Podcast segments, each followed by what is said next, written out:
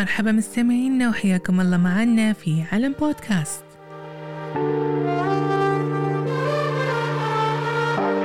تساءل البشر منذ آلاف السنين في جميع الثقافات من أين أتينا؟ وما المميز فينا كبشر؟ وكيف تطور الدماغ البشري؟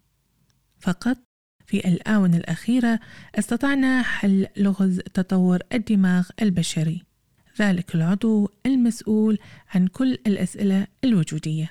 معنا اليوم حول موضوع تطور الدماغ الأستاذ فواز العجمي عالم آثار تطور الإنسان. في البداية أرحب فيك معنا أستاذ فواز العجمي وحياك الله معنا في علم بودكاست. يا هلا والله أختي أمل. أشكرك على الاستضافة والمقدمة الحلوة.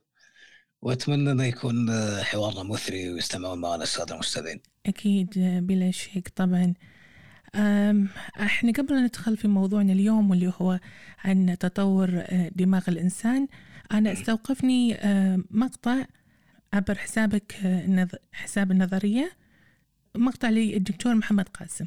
نشغل المقطع وبعدين نسمع تعليقك على المقطع؟ مو مشكلة. تمام. العلماء من اليابان ومن ألمانيا أخذوا جين موجود عند الإنسان فقط. RGAP اللي هو ARHGAP 11B وحطوه في ال marmoset القرد marmoset هذا الجين مسؤول عن الطبقة طبقة ال neocortex العلوية اللي موجودة في المخ وهي أكبر جزء بالمخ وكذلك عن التعاريج اللي موجودة فيه. لما زرعوه في القرود لاحظوا أن هذه الطبقة كبرت عند القرد وكذلك ظهرت في تعاريج. يعتقد أن هذا الجين هو السبب في تطور مخ الإنسان من ربما 5 مليون إلى 3 مليون سنة في الماضي. فمخ الإنسان كبر لما توفر له هذا الجين. والآن الدراسة تبين تأثيره انزرع في القرود. بعد أن أخذ العلماء القراءات أوقفوا التجربة حوالي 100 يوم بعد ما كبرت الأجنة بما فيه الكفاية وأوقفوها لأنهم كانوا خائفين أن تولد هذه القرود وتكون لها ذكاء وقد تتسبب بمشكلة أخلاقية فأنهوا التجربة حتى لا تحدث لهم مشاكل. آه، سمعنا للمقطع مقطع الدكتور محمد قاسم شنو تعليقك أو في البداية يعني تشرح لنا بس بشكل مبسط عن الكلام اللي ذكره الدكتور. آه، اولا حاب أشكر الدكتور محمد قاسم وأحييه على نشر العلم وعلى بحث المتواصل وهو شيء صراحة جدا جميل إن إحنا نشوف إن العلم في تقدم دائم دائم ومستمر. لكن تعقيبا على المقطع آه، في نقطة حابة أوضحها للمستمعين. إي تفضل. أن أن القردة أساسا يمتلكون طيات دماغية أو اللي سماها تعاريج. ولكن اللي يختلف إن الطيات الدماغية أو ال cortical folding آه، عندنا أكبر وأكثر مقارنة فيهم. وهذا يعني يرجع لأسباب كثيرة منها حجم الجمجمة مقارنة بالدماغ يعني إحنا مثلا دماغنا كان يبي يكبر لكن الجمجمة كانت تعتبر limit حدود فال folding هذه أو الطيات كأنه بدا الدماغ يكبر إلى الداخل قام ينطوي. عرفتي؟ نعم. بس آه، هو لا يوجد جين واحد مسؤول عن الذكاء. لا يوجد جين واحد مسؤول, مسؤول عن الذكاء. نعم. فخلينا ناخذ العين يعني كمثال. العين هي الجزء الوحيد من الدماغ اللي نقدر نشوفه. يعني الحين إذا في أحد قال تقدرون تشوفين المخ تقولي إيه. يعني العين هي جزء من من من الدماغ. يعني تعتبر جزء من الدماغ العين. اي وبتكوينها يعني للقرنية الكثير من الجينات الأساسية اللي تكونها وحتى الشبكية بعد. فلما إحنا نتكلم عن الذكاء لازم نفهم إنه مو مجرد جين واحد أو كود واحد كان سبب في تطور ذكائنا. هي يعني مش أقول شيء سلسلة عظيمة من الجينات. لكن يعني في ظل الدراسات اليوم يعني حتى الكشف عن الجين الواحد يستغرق مدة طويلة من البحوث ومستقبلا أكيد بيكون العلم أسرع بالوصول لهالمعلومات. لكن عن موضوع القرده والتجربه واخلاقيه وغيره يعني مهما سووا خلينا نكون واقعيين مهما سووا في نهايه الامر اذا تمت كل هالتغييرات هذه بالنهايه بيطلعون نفسنا اشباهنا لأن أشباهنا من ناحية آه، شنو بالضبط؟ يعني هم ما راح ما راح يكونون قرده بجماجم قرده ويحملون أدمغة كبيرة ما يصير. الشيء هذا بشرحه أكثر بعدين يعني مع مع الحديث ممتاز مم. ندخل على موضوعنا وكيف تطور الدماغ اي شوف إحنا بما ان إحنا تكلمنا عن سلسلة الجينات هذه لازم نعرف إنه مو بيوم وليلة سلسلة الجينات هذه وجدت اللي هي مسؤولة عن تطور وتكون الدماغ. كانت في مسببات دفعت تطور الدماغ هذا تدريجيا حتى وصل شنو؟ للشكل الحالي. اولا إحنا لازم ندرك إن أغلب الحيوانات لديها أدمغة صح ولا لا؟ صحيح معناته هذه صفة مشتركة بيننا وبين الحيوانات الثانية لكن السؤال شنو اللي حدث وخلى أدمغتنا تتطور بهذه الطريقة؟ الحدث الأول وقد يستغرب البعض وهو المشي على رجلين المشي على رجلين الرجلين إيه. ليش؟ لأن قدرتنا على المشي شنو سوت؟ على المشي على رجلين حررت شنو؟ اليدين اليدين حررت اليدين فأصبحنا قادرين على شنو؟ دام حررت اليدين على استخدام الأيدي الأيدي صحيح واستخدام الأدوات مهم. صح؟ صحيح وهذه النقطة الثانية. أول شيء مشي على الرجلين، ثاني نقطة استخدام اليدين وال- والأدوات. حتى لو تلاحظين القرود الأقرب لنا نفس الشمبانزي والبنوبو والأورانجي تانج. بيننا وبينهم صفات مشتركة. أنا خليني بس أذكر ثلاث صفات من الصفات المشتركة. الأولى أن إحنا ما عندنا ذيل وهم ما عندهم ذيل. القردة تمام السعادين اللي عندها ذيل أو النسانس هذه اللي عندها ذيل القرده ما عندها ذيل هذه. صفة مشتركة بيننا وبين القرده الصفة الثانية إن إحنا نمشي على رجلين وهم يمشون على رجلين. القرده تمشي على رجلين. لكن النسانس أو السعادين ما تقدر تمشي على رجلين تمشي على أربع فهذه ثاني صفة مشتركة. ثالث صفة مشتركة بيننا وبين القرود اللي ذكرتهم قبل شوي إن إحنا نقدر نستخدم الأدوات وهم يستخدمون الأدوات بعد ترى. يعني القرود تستخدم أدوات حجرية وأدوات خشبية وغيرها. اي السعادين ما تقدر تستخدم الأدوات. آه، ليش؟ شو الفرق ما بينهم يعني؟ لأن السعادين تمشي على أربع السعادين اللي عندها ذيل. آه okay. تمشي على أربع. اي هذه ما تقدر تستخدم الأدوات. إحنا نستخدم الأدوات والشمبانزي والاورانجي تانك والبنوبو يستخدمون الأدوات. حتى الغوريلا يستخدم الأدوات. الحين في ناس بيقولون okay دام إن هذول يقدرون يستخدمون الأدوات وانت ذكرت استخدام الأدوات هذا شيء داش في تطور الدماغ. اشمعنى إحنا ادمغتنا تطورت؟ دام عندنا هالصفات المتشابهة وليش القرود ما تطورت؟ صحيح. إيه. ليش؟ آه. ركزي معاي ها؟ معك اللي خلى ادمغتنا تتطور هو إن اللحوم أصبحت مصدر أساسي للغذاء. عند. القرود مو أساسية. يعني خلينا نقول عند القرود ياكلون 90% نباتات ويا دوب 10% إذا حدوا ياكلون لحوم. أوكي؟ مم. إحنا العكس. يعني اللحوم هي السبب الرئيسي في السبب الرئيسي تطور؟ في التطور بس مم. بس في في في يعني أمور جاية بالتدريج يعني أشرحها. تفضل. عند أسلافنا خصوصا أسلافنا كانوا يأكلون اللحم ني. كانوا يأكلون اللحم ني. لكن يعني اللحوم أثرت علينا بشيئين شيء مباشر وشيء غير مباشر. وهذا يبي له تركيز. زين. شيء الشيء مباشر؟ المباشر أي نعم. الشيء المباشر إن اللحوم سعراتها الحرارية عالية. صحيح. فهذا يسمونه شنو؟ quality calorie. يعني اللحوم quality calorie okay فيها. وال وال والبروتين والدهون اللي تتوفر في اللحوم هي أغذية مهمة جدا للدماغ. والدماغ بروحه يعني بذاته وهو عضو مكلف. بشرح الشيء أكثر بعدين. تمام الشيء الثاني الغير مباشر هو إنه اي الغير مباشر هذا. يعني اللحوم سوت شيء شيء مباشر اللي هو تحمل آه، سعرات. حراريه والشيء الغير مباشر هو أن أكل اللحوم جعل هناك أهمية للصيد. أهمية فأسلاف- للصيد.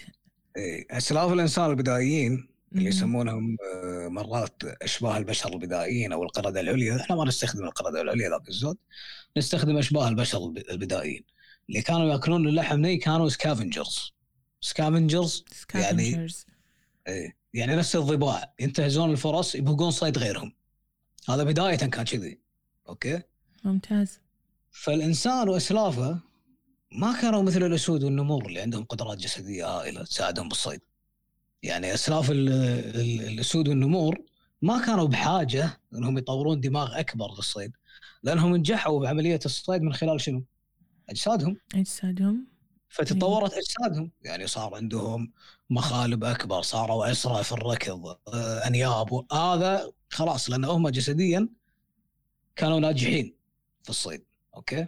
إحنا مقارنة فيهم ضعاف جدا بالأسود والنمور مهم. فاللي فرق بيننا وبينهم إن إحنا عندنا شنو قلنا من البداية؟ حرية حركة اليدين. أيوة. ونستخدم الأدوات. صحيح. هذا كان في صالحنا يعني من ناحية تطور الدماغ. الصيد جعلنا نحاول اختراع أدوات حادة للقتل. خلى عندنا حاجة للتخطيط. فالتخطيط شنو يحتاج؟ يحتاج تفكير. صح ولا لا؟ صحيح. وحتى الصيد بروحه يعني ما كان فردي يعني كان اغلبها يعني عمل جماعي فكانت في حاجة لتقسيم المهام والشنو؟ التواصل وتطور اللغة وهذه الأمور بعد أثرت على تطور الدماغ اللي هي حاجة التواصل واللغة لأن والله. قبلها. في ذاك الوقت إحنا قاعدين نتكلم خلينا نتكلم عن قبل ثلاث ملايين سنة كان symbolic كانوا يس- يستخدمون يعني symbols رموز إيه. رموز للتواصل. إيه. قبل لا تتطور يعني إشارات باليد مثلا ولا؟ إشارات أصوات. أصوات. مم. إيه. إيه. وعلى فكرة يعني هو الصيد أثر على على الاستقامة بعد. الاستقامة يعني- أي يعني الفرق بيننا وبين القرود إن إحنا مستقيمين. هم يمشون على رجلين لكن غير مستقيمين. ما يمشون بانتصاب. المشي على رجلين مو معناته الانتصاب أو الاستقامة. عرفتي؟ أي. وإحنا لو نقارن أنفسنا بالقرود بنلاحظ أن عندهم الرجلين أقصر على عكسنا إحنا الرجلين عندنا أطول. فشكل الرجلين وشكل الأقدام والظهر عندنا كلها أمور تطورت بالشكل عشان تساعدنا على المشي طويلا. لأن كانت أغلب طريقة استخدمها إسلاف البشر وحتى في قبائل اليوم يستخدمون الطريقة هي طريقة صيد المثابرة. صيد المثابرة. اللي يكون عن طريق شنو؟ ملاحق ملاحقة الفريسة حتى تتعب لين ما ينهد حيلها؟ وبعدين بس تطيح خلاص ما فيها شدة يصيدونها وهالموضوع هذا كان ياخذ أكثر من ثمان ساعات. فتطورت عندنا ال- ال- الأرجل والظهر حتى أسفل الظهر بعد اللمبر المنطقة هذه صارت نعم. منحنية عشان تمتص الصدمات بعد وصرنا مستقيمين وهذا كله شنو؟ عشان الصيد يعني هذا شكل غير مباشر لكن الحدث الأخير والأهم اللي أثر على تطور الدماغ هو اكتشاف النار شنو علاقة اكتشاف النار بتطور الإنسان؟ شوفي آه، سلف الإنسان لما كان يأكل اللحوم نية ما كان يقدر يأكل كمية أكبر من اللي اليوم إحنا نأكلها بس اكتشاف النار وشوي اللحوم أو طبخه. اختصر علينا شنو؟ اختصر الهضم اختصر صح اختصر علينا عملية الهضم للنص للنص اختصر علينا العملية فصرنا قادرين على شنو؟ نأكل شنو؟ كمية أكبر أكبر وسعرات اي وسعرات حراريه أكثر وأنا مثل ما قلت قبل شوي إن الدماغ عضو مكلف.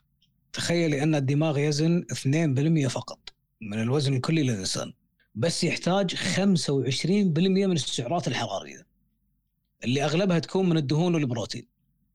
فعشان أوضحها أكثر يعني تخيلي شخص ياكل 2000 سعرة حرارية باليوم. نعم okay. okay.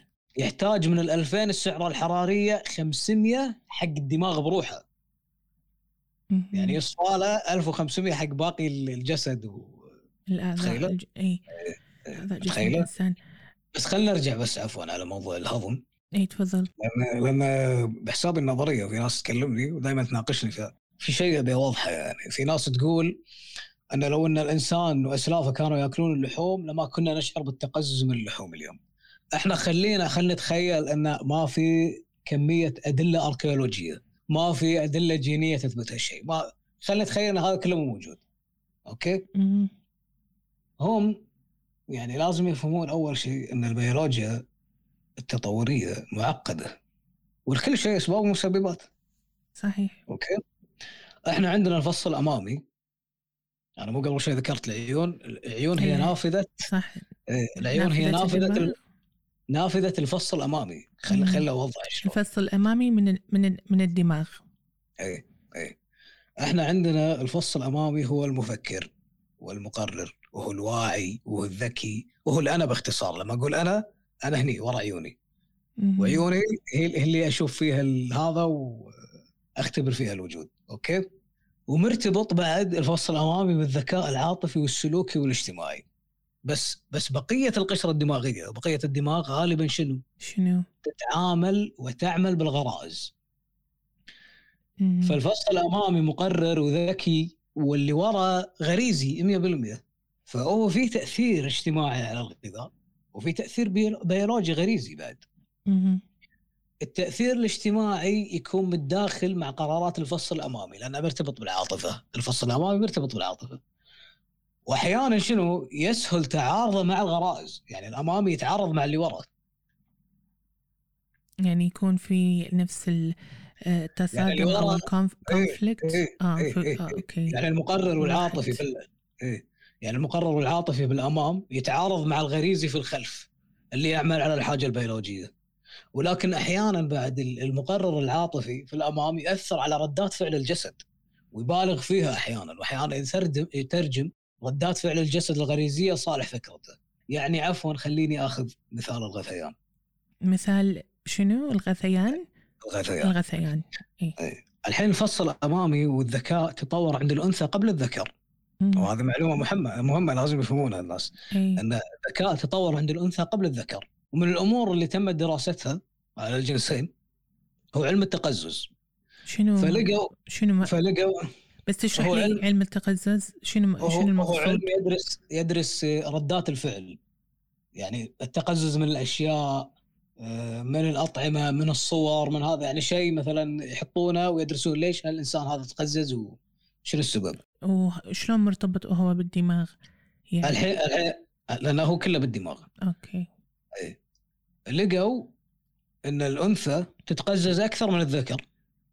صحيح وهذا- اي المرأة هذا مم. هذا إيه، هذا يرجع لتطورنا يعني تطورت هالأمور عند الأنثى قبل الذكر وكبرت أكثر من الذكر حتى تحمي نفسها وأطفالها من الأمراض. مهم. لأن لو تشوفين ترى الصغار يتقززون أقل من الكبار. صحيح. ومع النمو ينمو الذكاء العاطفي والسلوكي. يعني عشان أوضح النقطة المرأة أو الأنثى تتطور عندها الدماغ قبل قبل الذكر الذكر؟ بسبب هذه الأمور يعني خصوصا العاطفة. ومع مرور الوقت مع مع مرور السنوات آه، آلاف السنين كذلك تطور عند الذكر. تمام. أوكي؟ تمام. وهني نعرف ليش مثلا بعض البشر يشعرون بالغثيان لما يشوفون لحم ني وبعض البشر لا. لأن البساطة ببساطة جدا ال- ال- الموضوع ارتبط بالعاطفة. مهم. اللي شنو وين مكانها العاطفة؟ بالدماغ الفصل بالدماغ، الامامي الفصل الامامي اي مثل ما. ذكرت صحيح. بعدين في ناس خل خل خل أسترسل بالموضوع هذا عشان لا تفضل خذ راحتك. أوضح أوضح الموضوع. اي يعني في ناس تجي وتقول زين ليش كل الناس يستفرغون عفوا إذا كلوا لحم ني يستفرغون؟ إيه. okay. يعني إيه، يخرجون ما؟ ما في بطونهم إذا كلوا لحم ني اولا مو كل الناس يستفرغون إذا كلوا لحم ني. في ناس تاكل أسماك نية صح ولا لا؟ صحيح. اي السوشي إحنا- إيه. وغيره اي واحيانا إحنا نطلب الستيك مو مستوي مرات medium rare صح medium rare اي اي صح ولا لا؟ صحيح. واللحم مطبوخ ولا مو مطبوخ يتم لحم. صح. لكن الاستفراغ هذه حماية سببها شنو بعد؟ الفص الأمامي والذكاء. لأن مثل ما قلت التقزز والغثيان أساسه حماية الطفل من الأمراض، لكن. مع تطور ذكائنا صرنا نحمي أنفسنا من الأمراض، لأن اللحم الني ممكن يكون في يعني يحتوي على بكتيريا وعلى طفيليات. و إيه وعشان كذي لما نرجع اللحوم للحرارة الداخلية الأصلية للحيوان يعني لما كان عايش لما نرجعها اللحم للحرارة الأصلية. قل خطورة اللحوم فالخطر الأساسي مو من اللحم الخطر من البكتيريا والطفيليات مثل لما ناكل بطاط طازج من غير طبخ ممكن نستمرض بسبب ال- الأنتي نيوترينز. أو نتسمم بسبة مادة اسمها السولانين. اللي هي. مادة مادة سامة تفرزها النباتات وبالبطاط ه- هذا هذا هذا الجزء الأخضر بالبطاط اللي تشوفينه. مرات إيه يكون موجود بالبراعم وال- والجزء الأخضر بالبطاط وهذا يسبب تسمم واحتمال يعني يصل إلى الموت بعيد الشر. هل هذا معناته أن إحنا المفروض ما ناكل بطاط للأبد؟ لا طبعا. وبعدين في أنواع بكتيريا. مهم. بكتيريا إحنا ما نتحملها. مثل مثل السالمونيلا اللي اللي اللي الدجاج في الدجاج أي صحيح الدجاج والطيور والزواحف يشيلونها فيهم وعليهم ولا تسوي لهم أي شيء. لكن إحنا بس الدش عندنا تغربلنا عرفتي فهذا أيوة. يعني وإحنا بعد آه، خل خل بس أنهي الموضوع هذا بهالجمله. يعني إحنا إحنا بعد يعني بعد مليون و500 ألف سنة من الطبخ مو معقولة ما راح يتغير فينا شيء بيولوجي صح ولا لا؟ صحيح يعني كجهاز هضمي إيه. تقصد تطور مع إيه، تطور كل شيء إيه. كل شيء كل شيء أسلافنا مثلا كانوا قادرين على الطحن والمضغ نعم. وهالشيء نشوفه في شكل الفك والأسنان يعني نعم. عندهم الفك والأسنان كبار حيل لكن بدينا نفقد الأنياب والفك الكبير لأن بعد اكتشاف النار ما صرنا بحاجتهم هو مو بس هو مو بس على الحاجة يعني مو محتاجينها يلا مع السلامة ونفس مثلا الدوده الزايدة إيه. إحنا مو محتاجينها وكاهي موجودة. موجودة صحيح. لكن كله عشان الدماغ بدا الوجه يصغر والكرانيال كاباسيتي أو مساحة الدماغ بدأت. تكبر. اي يعني الوجه بدأ يصغر عندنا ومساحة الدماغ بدأت تكبر في الجمجمة. فإحنا الحين يعني إحنا عقب مليون و500 ألف سنة إحنا صرنا فصيلة مرتبطة ارتباط كلي مع الطبخ. من غير الطبخ وإحنا فيها. من غير الطبخ صحيح. bye bye بشر إيه إيه. آه بس آه أستاذ فواز حابة بس آه أرجعك شوي. أنت تكلمت عن الاستقامة والمشي على الرجلين. إيه. كيف نرى هذا ال- اليوم تأثيره أو أهميته على الدماغ؟ يعني لو تشرح لنا شنو كنت تقصد بالاستقامة؟ أم، أنا خليني أعطي مثال عن علاقة المشي على الرجلين. والاستقامة بولاده الرضيع من غير قدرته على الحركة الفوري- الفورية مثل مواليد الحيوانات الثانية. الحين في ناس بتقول شكو بعدين أفهمكم. تمام. بس يبي لها تركيز شوي okay؟ إحنا نعتبر altricial إحنا نعتبر altricial يعني. شنو شنو altricial؟ يعني يعني المولود يولد في حالة غير متقدمة ويحتاج للإطعام والعنايه من الوالدين. يعني ما يقدر يعتمد على نفسه غير ما يقدر. وفي- يعني إيه، ما يقدر. إيه. وفي حيوانات نوعهم شنو؟ precocial precocial يعني نفس يعني. نفس الخيل يعني الخيل ينولد من هنا يمشي من هنا. يعني يولد في حالة متقدمة. okay؟ مم. النقطة حطيها ببالك okay حطيها ببالك أنا برد عليها بعد اللي هو precocial شنو المصطلح اللي ذكرته؟ altricial الت okay altricial. والثاني precocial precocial. okay الحين خلينا نتخيل مع بعض هيكل الإنسان ونتساءل شلون قدر الإنسان يمشي باستقامة؟ في عدة أمور تطورت عند الإنسان عشان تساعده على المشي، قبل شوي أنا ذكرت العمود الفقري والأقدام وغيرها، إحنا بناخذ مثال الحوض عند الإنسان والفخذين. الحوض والفخذين. الحوض والفخذين. تمام. خلينا نتخيل شكل الفخذين على الركب والساقين. نتخيلهم مع بعض. الفخذين مسوين شنو؟ رقم سبعة بالعربي. عندك شيء ترسمين ارسمي رقم سبعة بالعربي. رقم سبعة بالعربي آه. بعدين تحتهم الساقين السيقان مسوين رقم 11 أوكي؟ مم. هذا شكل شنو؟ الفخذين والساقين عند الإنسان، على عكس القردة اللي الفخذين والساقين عندهم شنو؟ رقم 11 على 11 ه- هذا القرده 11 يعني عظمة. 11. يعني عظمتي الفخذ عند الإنسان مائلتان للداخل. وهذا خلانا نقدر شنو؟ نمشي بانتصاب. وبسبة هالموضوع هذا صار عندنا الحوض صغير وضيق أكثر لتقليل الحمل على الرجلين. عند القردة الحوض كبير فهم منحنين. يعني يمشون على رجلين لكن منحنين لأنه كبير. عندهم الحوض جدا كبير. لكن الحين في شخص بيقول زين إيش دخل المشي على رجلين بدماغ الرضيع وإنه ما يقدر يمشي؟ يعني عدم قدرته على الحركة الفورية لما يولد صحيح. المشي بانتصاب ميزة تطوريه يعني هو سبب من الأسباب نجاتنا وإذا فقدناها نتعرض لخطر الانقراض يعني مو غشمرة. لأن آه، إحنا بدون انتصابنا بدون انتصابنا يعني تخيلي إحنا الحين ما راح نقدر نمشي منتصبين. تخيل شلون شلون ننجو بالحياة اليومية. إحنا صحيح كائنات تعتبر إيه. ولأن أدمغتنا تطورت بشكل كبير صار الموضوع محير يا أن إحنا ننولد بأدمغة كبيرة دايركت ونفقد الحوض الضيق والانتصاب أو أن نحتفظ بسمة الانتصاب والاستقامة ولكن ننولد بدماغ صغير وغير مكتمل. فشنو اللي صار؟ صارت الفكرة الأخيرة يعني إحنا قمنا ننولد بدماغ صغير غير مكتمل لأن الحوض ضيق عندنا. بسبب شنو؟ الانتصاب. وعشان كذي يعني يعني يولدون البشر بادمغه غير ناضجة. عشان شنو؟ يقدر المولود يطلع من الحوض الضيق.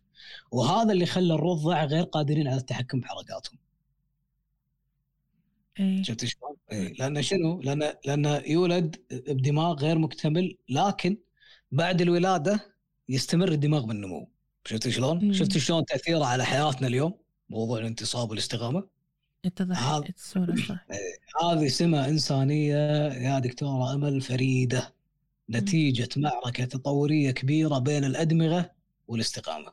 نعم. آه، الحين ج- جاني السؤال يعني هل يعني آه، دماغ الإنسان يوقف عند سن معين؟ يعني أنت ذكرت أن التطور يكون من ما هو يعني يكون في عمر آه، إيه. رضيع يعني من من, هو رضيع إيه. فيوقف النمو أو أو تطوره في سن معين آه ولا يتم يتطور إلى أن يتوفى هو هو في إجابتين للموضوع. الإجابة الأولى انه يكتمل نموه في سن يعني بعد ال 21 تماما. الإجابة الثانية هو حتى طريقة استخدام الدماغ إحنا أنا مو قلت الفص الأمامي آه، هو الذكي وال- والبقية الدماغ غريزي؟ صحيح. يبدأ الإنسان تدريجيا بحياته اولا باستخدام الغريزي أكثر. ومع تقدم العمر يعني يتغير إلى أن يصل إلى أنه يستخدم الأمامي أكثر. يعني تشوفين مثلا آه، في أطفال آه، يعني يعملون بغريزتهم أكثر. وتشوفين مثلا المراهقين عندهم ما بقى ثورة ما سووها.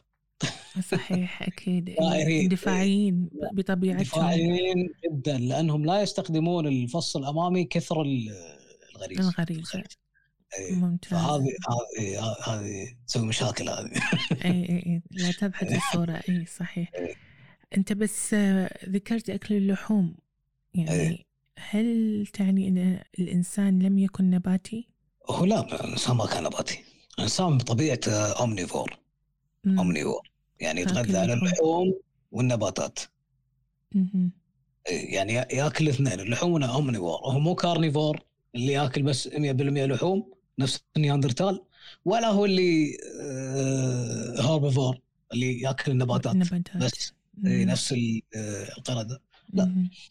الانسان واسلافه يعني غذائهم من اللي نشوفه حتى في تطور الدماغ يعتمد على اللحوم والدهون لدرجة إنهم كانوا يأكلون نخاع العظام. آه. يأكلون نخاع العظام.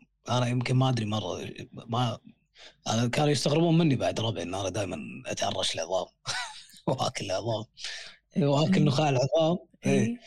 اي وهذا بعد إن يعني نخاع العظام أكل نخاع العظام هذا سبب بعد بتطور أيدينا على فكرة. يعني ايدينا تطورت عشان شنو؟ نكسر العظام. يعني خليني أعطيك أعطيك مثال بس من موقع أثري من المواقع يعني في آلاف المواقع اللي فيها آثار مشابهة في موقع اسمه Olduvai Gorge Olduvai Gorge موجود وين؟ بتنزانيا تنزانيا okay هذا الموقع يعود يعني إلى مليونين سنة كان منو؟ موقع منو؟ منو؟ أول فصيلة البشر أول واحد فيهم اللي هو Homo habilis أوكي. الموقع يا دكتورة أمل مليان عظام مليان أدوات حجرية. متروس عظام ما بقى شيء ما كلوه. متى تم اكتشافه ولا هو موجود؟ يعني مكتشف مكتشفينه من زمان من زمان زمان آه. اي كيف اكتشفوا الموضوع؟ إيه. الآثار اللي لقوها على العظام كانت أغلبها آثار قطع وكسر وسلخ. يعني إحنا عندنا لما في آثار تلاقينها على العظام يعني ما أدري آه، أنا الموضوع يبي له صورة بس مو مشكلة أكيد إنه يقدرون يدورون.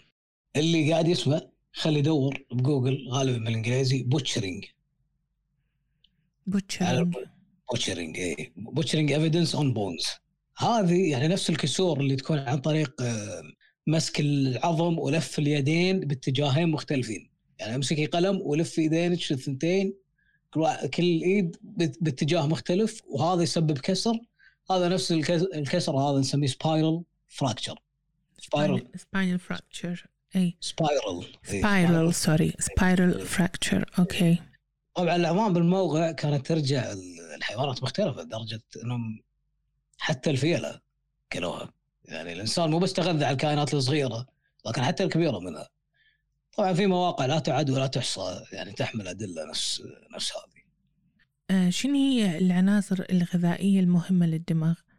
يعني الحين تكلمت أنت عن اللحوم وتكلمت أن ال- الإنسان كا- ب- بطبيعته هو آه أومنيفوار يعني. جامع ما بين اللحوم والنباتات أي. أيوة بس شنو هي ال- ال- العناصر لا. الغذائية المهمة فعلا للدماغ؟ آه اللي موجودة في اللحوم طبعا. قاعد تسألين. اللحوم بشكل أساسي؟ إيه أنت قاعد تسألين انه اللي موجودة في اللحوم؟ بشكل عام. يعني العناصر okay. أي بشكل خل. خل أعطيك أمثلة من اللي من اللي, من اللي موجودة باللحوم. من إحنا ذكرنا اكل اللحوم الأحماض الدهنية اوميجا 3 منو ما يعرفها؟ طبعا إيه.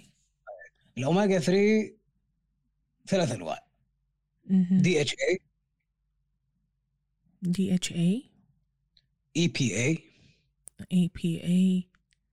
ال اي اي ال اي إيه. تمام. ال EPA وال DHA موجودين في المصادر الحيوانية فقط ولا يوجدون في النباتية. مهم. ال EPA وال DHA موجودين في المصادر الحيوانية ولا يوجدون في النباتية. ال ALA موجودة في النباتية ولا توجد في الحيوانية. شفتي؟ أها. ال D ال DHA هو مكون هيكلي أساسي للدماغ والقشره الدماغية والجلد بعد وشبكية العين. هذا ال DHA زين تشرح لنا شنو DHA شنو هو ال D؟ H ال DA هو حمض دهني. يعني أنا قلت اوميجا 3 أي نعم. هذا موجود في الدهون إي. نفس الحين لما لما يقولون زيت السمك. يستخلصونها من هاب- الحيوان هابين في اللي هو ال cod cod آه، cod أيوة. oil وغيره صح؟ أيوة، أي. أيوة، اي هذا هو موجود في في, اللحوم. مهم. okay. فال DHA كجزء من الاوميجا 3 وهو مكون هيكلي للدماغ والقشرة الدماغية والجلد وشبكية العين. وخصوصا الفص الأمامي اللي إحنا تكلمنا عنه وسولفنا هو الأكثر تطلبا لهذا الحمض الأكثر تطلبا. الأكثر تطلبا. الفص الأمامي مثل ما قلت هو مسؤول عن التخطيط حل المشكلات التركيز الانتباه التطور العاطفي والسلوكي والاجتماعي ومن الوظائف الرئيسية حق حمض ال DHA هو نمو خلايا دماغية جديدة مهم. بس كذي حماية خلايا المخ الموجودة أساسا وتعزيز المرونة العصبية يعني شنو المرونة العصبية؟ المرونة العصبية يعني قدرة خلايا الدماغ على التواصل مع بعضها مم. أوكي. أوكي تعلم وتذكر الأشياء. ال DHA وال EPA حتى في نوع اسمه AA يكون من زين الاوميجا إحنا 6 تكلمنا عن ال DHA ال EPA شنو؟ ال EPA بعد نفس نفس الشيء. هو, آه، بكثرة؟ بالحيوان بالحيوانات. أوكي. لا يوجد يعني EPA و DHA لا يوجدون في ال- في النب- في النباتية. يوجدون في المصادر الحيوانية فقط. وبعد دام تكلمنا عن البحر إحنا وعن ال- السمك وهو نعم. موجود بكثرة في ال- في ال- المأكولات البحرية أو الأطعمة اللي تكون من المياه العذبة يعني الأسماك اللي تعيش في المياه العذبة الأسماك النهرية يعني إي. في مم. في كتاب في كتاب اسمه Human Brain Evolution The Influence of Fresh Water and Marine Food Resources إذا تذكر لنا اسم الكاتب دقيقة على اسمه. ان إذا حد من المستمعين هو هو عدة هو عدة دراسات مم. عدة دراسات ال- ال- العلماء كثير لكن edited by ستيفن وكاثلين ستيوارت ستيفن and كاثلين ستيوارت أوكي هذا الكتاب هم ألفوا هذا الكتاب. اي لا لكن مو بس بر- مو هم بروحهم يعني كل- كل chapter يمسكونه علماء مختلفين. لكن آه، يعني هذا الكتاب يتكلم عن تأثير الغذاء البحري والمائي مثل ما قلت الأسماك على تطور دماغ الإنسان. كتاب ممتاز هذا أنصح جدا بقراءته. تذكر لي الاسم مرة ثانية؟ human evolution human brain evolution human brain evolution. The influence of fresh water. كلمة واحدة fresh water. إي. And marine food resources. فيتكلم عن. أهمية ال fresh water إحنا يوم نقول fresh water نقصد فيها الأنهار. الأنهار اي والبحيرات العذبة وال- يعني اي اللي, اللي يعني ال food اللي يكون بال fresh water أو. إنه يكون في في البحرية لو تختصر لو تختصر. لنا شنو ال- ال- الكتاب يعني عن شنو كان يتكلم يتكلم. عن تأثير الغذاء البحري والمائي آه، نفس. الاسماك اللي, تعيش في. البحر تعيش في المياه العذبة على تطور دماغ الإنسان ممتاز يعني في في هو نفس الكاتب هذا الأول ستيفن. ستيفن ستيفن كونين أظن خليني أشوف عنده كتاب ثاني اسمه survival of the fattest survival of the fattest. اي مو fittest survival آه of the fat fattest. آه. يتكلم عن أهمية الدهون على الدماغ ومنهم تكلم وتطرق لل ال DHA وتطرق لل AA اللي تعتبر من ال- الاوميجا 6 ال AA بعد. مم.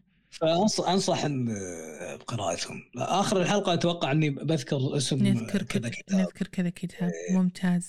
إي. مم. إنزين طالما أنت ذكرت عن أهمية اللحوم يعني هل النظام النباتي فيها ضرر على الإنسان وتطور الدماغ؟ يعني الحين خاصة في هالفترة إحنا نشوف هبة ال vegan وهبة ال vegetarian. يعني فإذا توضح لنا. شوفي أنا بتكلم بتخصصي. مثل ما تدري أنا درست تطور آه، الإنسان. إي نعم. ودرست طب شرعي بعد. طب شرعي. إي وسياسة اللي هو أيوه اللي هو الجنائي. forensic إيه. yeah. لا forensic هو. forensic إي. إي إي صحيح. إيه. المهم فأنا بتكلم من هالأمور وغير هالأشياء اللي درستها درست zooarchaeology زو اللي هو-. إيه. اللي هو داخل في في الأحياء. والحيوانات اللي رافقت الإنسان وعاشت. يعني درست هالأمور كأني دارس أحياء. عموما. إيه. إيه، أنا مثل. ما قلت إن إحنا أومنيفور. إحنا أومنيفور. أومنيفور. إي نعم. يعني نتغذى على الحيوانات والنباتات. أي خلل في هذا التوازن يحدث خلل وين؟ في الجسم. صحيح ولا لا؟ صح. فالأنظمة الغذائية اللي تكون متطرفة في طبيعتها يعني نفس ال vegan نفس اللاحمين carnivore في إيه. من الأشياء اللي هذه فيها مخالفة لطبيعتنا. هذه مخالفة لطبيعتنا. يعني سواء كنت 100% vegan ولا كنت 100% تاكل لحم هذا شيء هذا مخالف لطبيعتنا. أوكي؟ إحنا كبشر جبلنا على التنوع الغذائي. جبلنا يعني فطرنا على التنوع ما أحب كلمة فطرنا غريزتنا التنوع الغذائي. يعني اللي يعيش في الصين يختلف غذاءه عن اللي يعيش بالكويت. مو كلنا طقة صحيح. واحدة. صحيح إي. ومصادر الغذاء من شخص لشخص تختلف. يعني من بيئة لبيئة. يعني خلينا ناخذ مثلا اللي يسكنون الصحراء أو ألاسكا. سكان ألاسكا الأصليين. ألاسكا متجمدة. صح. أوكي. يأكلون لحوم واسماك أكثر من النباتات لأن ما عندهم access حق شنو؟ حق النباتات. حق لأن بيئة النباتات جافة. إي نعم فيها النباتات. خصوصا في فصل الشتاء. وهذا الشيء يعلمنا يعني يخبرنا شيء عن النظام الغذائي للبشر أثناء العصور الجليدية. حتى السكان سكان الصحراء الأصليين. نعم. مثل الفيك بيئه جافه شنو بياكل؟ عرفج يعني ولا حشرات؟ لا والله جد شنو بياكل يعني؟ عرفج صح صح. إيه بس لو. توضح يعني في بعض المستمعين يمكن ما يعرفون شنو العرفج. لو عرفج نبتة موجودة في الصحراء. تمام اي على أساس نبتة. يستوعبون إيه. شنو معنات العرفج شكلها مجنون ال- ال- العرفج هذه وارتبطت مع قصص الجن يعني. آه آه. هي لها- شكلها يعني. إي لها دلالة أو تراث. إي. لها تراث وافلام كانت تصير ويانا على المكر والبر لكن عموما أنا نعم. ذكرت قبل شوي الكتاب. فخليني أذكر مهم يعني موضوع مهم ناقشه هذا الكتاب اللي هو Human Brain Evolution the Influence of Freshwater في دراسات أجريت على أمهات مرضعات نعم تم فحص الحليب عند الأمهات ولقوا أن الأمهات اللي نظامهم الغذائي ما احتوى على الأسماك ما احتوى ما ما كلوا أسماك كان الحليب عندهم في نقص شديد لل DHA متخيلة؟ كان عندهم نقص في ال DHA شديد في DHA. دي اتش اي في الحليب, في الحليب. والعكس صحيح. والعكس. صحيح اللي, اللي كلوا آه، أسماك كان عندهم فائض من ال DHA. والحمض هذا مهم مو بس مهم أساسي لنمو دماغ الرضيع يعني مو بس بعد الولادة حتى أثناء الحمل. الجنين يحصل على ال- الإمداد المطلوب من ال DHA من وين؟ من مشيمة الأم. صحيح. لكن النصف الثاني من الحمل يعني قولي بعد رابع شهر خامس شهر يتراكم. الحمض هذا بدماغ الجنين بشكل أسرع. يعني الأم لازم بعد أكثر بعد تاكل. آه، الأسماك أو تاخذ يعني الحبوب هذه آه، اسمها الكبسولات. فبحالة آه، الحمل الكبسولات تقصد الاوميجا 3 ولا؟ أوميجا 3 إيه. okay. فبحالة الحمل والولادة الأم بحاجة للحمض وأكل الأسماك. لأن عدم الحصول على القدر الكافي من نعم. الحمض بيؤدي شنو؟ راح يأثر على دماغ الجنين ويؤدي إلى ضمور الدماغ. وفي دراسات يعني بينت إن الأطفال اللي اللي حصلوا على قدر كافي من الحمض هذا أثناء الحمل والسنوات الأولى ما بعد الولادة يتمتعون بمهارات اجتماعية ونتائج أكاديمية أفضل، لكن هذه يعني السالفة هذه إن عندهم نتائج أكاديمية أفضل وهذا هذا لأنه مرتبط بالتركيز مثل ما قلت.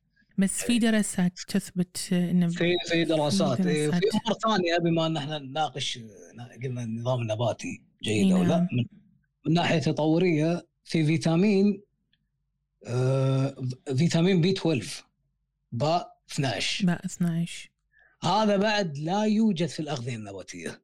لا يوجد. يوجد فقط وين؟ بالمصادر الحيوانية. يعني وين؟ باللحوم بالبيض بالأسماك. وهذا الفيتامين عشان بس أبسطها يعني مرتبط بشكل أساسي بتكون الدم وبعمل الدماغ ونقصانه يتسبب امراض عصبية وضمور عقلي بعد. يعني نفس الزهايمر. في دراسة آه، مكثفة جدا. نعم. أجريت على نباتيين شباب أو الفئة الشابة واكتشفوا إنهم يعانون من نقصان حاد من فيتامين باء باء باء 12 بي 12 وشنو سوى لهم هالشيء هذا النقص الحاد؟ سبب لهم أضرار عصبية وتلف في منهم ال- ال- التلف اللي صار لا يمكن العودة بعده يعني irreversible damages irreversible damages مم. متخيل؟ شلون شنو ما شنو المقصود ب irreversible damages. ال damages اللي صارت عندهم بالاعصاب بسبب نقصان ال B 12 لا يمكن العودة بعدها يعني ما يقدرون يردون لوضعهم الطبيعي. وضعهم الطبيعي اللي هو شنو؟ يعني- الإنسان عادي الدماغ العادي صار عندهم آه، آه okay فاهم أمراض قصدك. عصبيه أي يعني أمراض تلف عصبي. إيه، تلف على عصبي ما ما يتعالج يعني ما مم. لا يمكن يعني لو شنو يعطونهم بعد B 12 ما راح يتعالجوا هذا غير بعد سالفة الكربوهيدرات يعني اللي مشاكلها ما تنتهي. اي يعني شوفي هو قاعدة عامة كل شيء لا زاد عن حده شنو؟ ينقلب ضده. عدل هذا هو. يعني هذه قاعدة مهمة. مهم. الأغذية النباتية أغلبها كربوهيدرات. صحيح. الكربوهيدرات المفروض شنو تكون؟ طاقة in out أكلها الحين أحرقها بعدين. مم. لكن إذا زادت عن حدها شنو تسوي؟ تتخزن كدهون وبعد تسبب مشاكل. حتى إذا يعني كليناها بوقت غلط. يعني خل خل أعطي مثال عشان لا لا يحتار المستمع. إي تفضل. الكربوهيدرات تسوي بلوك على امتصاص عناصر مهمة وتكسرها بعد. يعني نفس نفس فيتامين د نفس كا- الكالسيوم المغنيسيوم فيتامين C. هذه إذا كلينا كربوهيدرات حزت ما إحنا ناخذ ال- الفيتامينات هذه بتسوي عليها block بتكسرها وما راح يمتصها الجسم. خلاص بتروح. مع السلامة. أو شنو تسوي بعد؟ يعني آه، الكربوهيدرات. تثبط إفراز هرمونات معينة. تثبط تثبط خل خل اوضح تثبط هي كلمة نستخدمها إي. معناتها آه، إبطاء عملية إي. حيوية أو إيقافها. أي يعني نفس هرمون النمو. يعني نفس هرمون النمو. إذا كلنا كلنا كربوهيدرات قبل النوم هذا تأثر على هرمون النمو هرمون النمو بتثبطه اي إي، مم. هذا غير إنه يعني آه، ارتفاع الكربوهيدرات آه، آه، ترفع مستويات الجلوكوز بالدم والإنسولين يعني وتزيد من مستوى الدهون الثلاثية مو بس مم. تزيد الثلاثية تقلل بعد من مستويات الكوليسترول الجيد اللي يحتاجه الدماغ الكوليسترول الجيد مهم جدا يا جماعة وبعدين بالنهاية شنو تسوي؟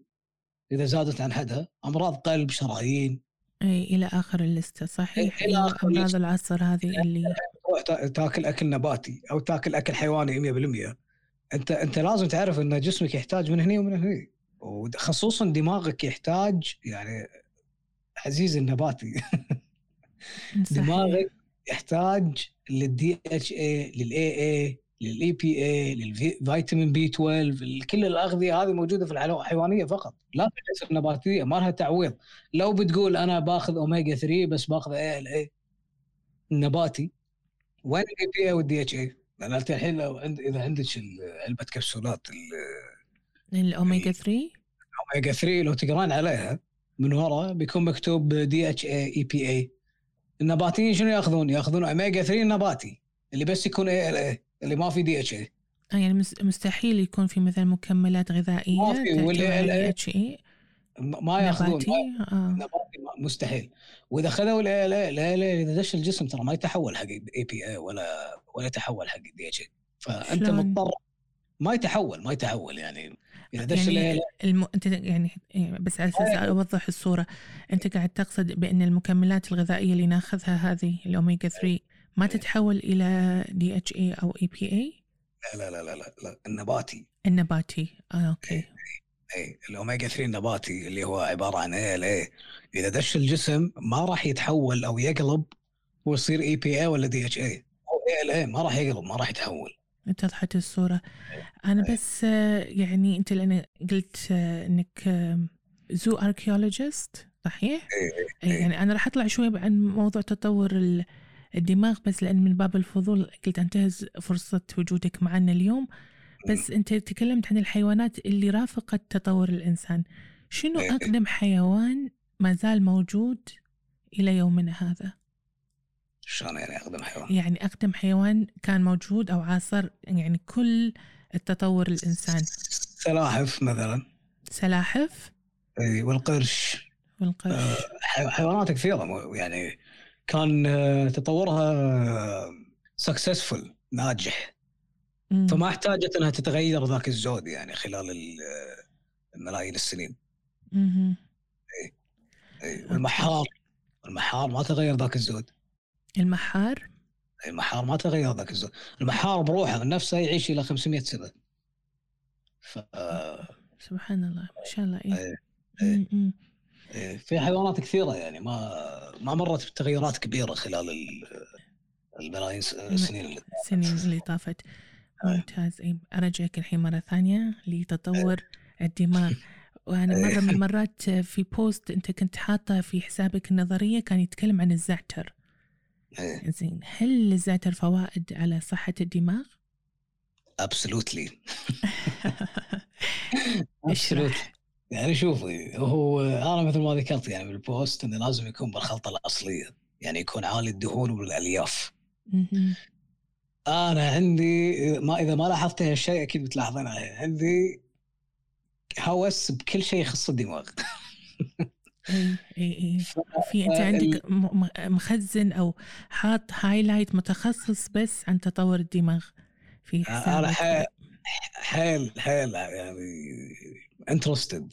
بموضوع يعني موضوع مهتم حيل اي موضوع حلو إيه.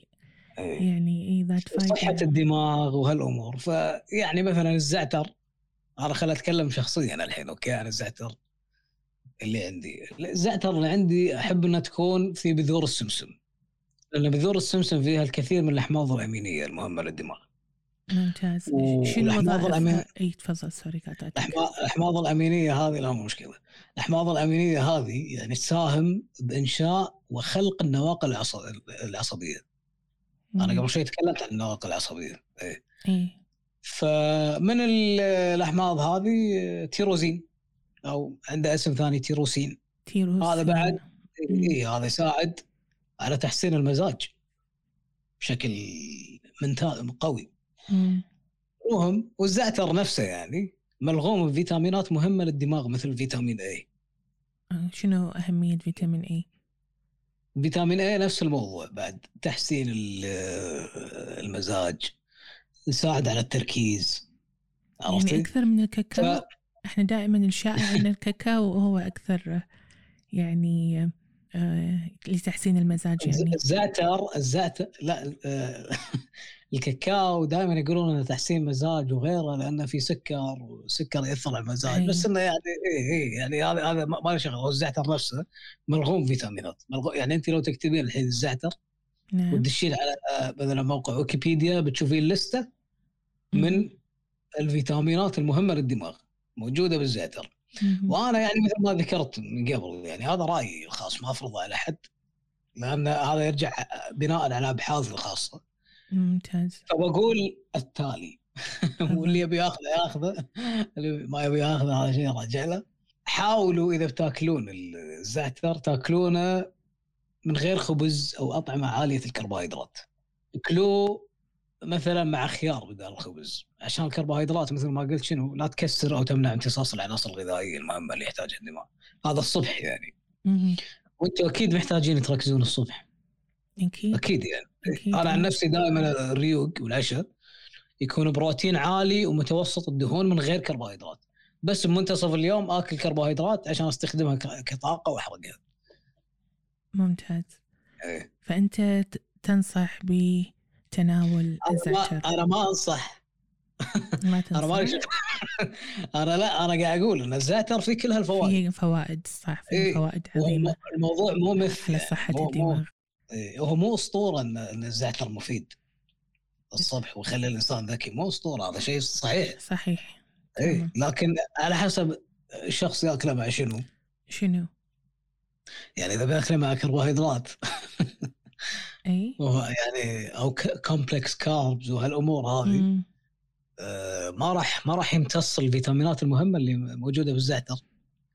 اي لأن. الكربوهيدرات أنانية. كربوهيدرات آه، اي فلذلك إيه. كنت يعني تنصح إذا راح يأكلون زعتر يتناولونه مع مثل ما أنت مع. خيار. خيار يغمسونه مع خيار. اي هاي الأمور هذه. جزر ممتاز. اي إيه. تمام. إنزين. الحين كنا يعنا والله. أم، كتاب العاقل ما هو رأيك؟ ولماذا انتقدته بشدة؟ يا كتاب العاقل هذا. آه، اولا أنا الكاتب إسرائيلي. وأنا أمانة ما أبي أزيد أرباحه. شلون؟ أقول كاتب إسرائيلي هذا كاتب اولا إسرائيلي. مهم. ما أبي أزيد أرباحه هذا أول شيء. لكن خلينا نركز على محتوى الكتاب. تمام. وهو هو المؤلف مو متخصص هذا أول شيء. أوكي؟ مهم. وتتكون يعني غالبية الكتاب من أشياء ليس للمؤلف أي فكرة عنها. يعني يمكن قرأ بعضها من منشور مدونة أو من كتاب واحد مثلا جمع كل المعلومات هذه. وأنا أشوف إن المشكلة الرئيسية عنده وفي كتابه يعني الكتابة عكس الشيء إن الثقة الكبيرة بنفسه والعنجهية والغطرسة. لأن أنا أعتقد من غير الأخلاقي أن يتحدث المؤلف بكل هالثقة أكثر من المتخصص. لأنه مضلل وما في مصداقية. يعني هو مو صاحب تخصص؟ لا لا لا ما ابدا ولا حول التخصص يعني. ويقفز للنتائج وهو غير ملم. أنت يعني خليني أعطيك مثال يعني. إيه، تفضل. يعني نفس تصويره انه قبل سبعين ألف سنة كانت في طفرة أو ثورة معرفية للبشر. شنو المقصود قال- بهالطفرة؟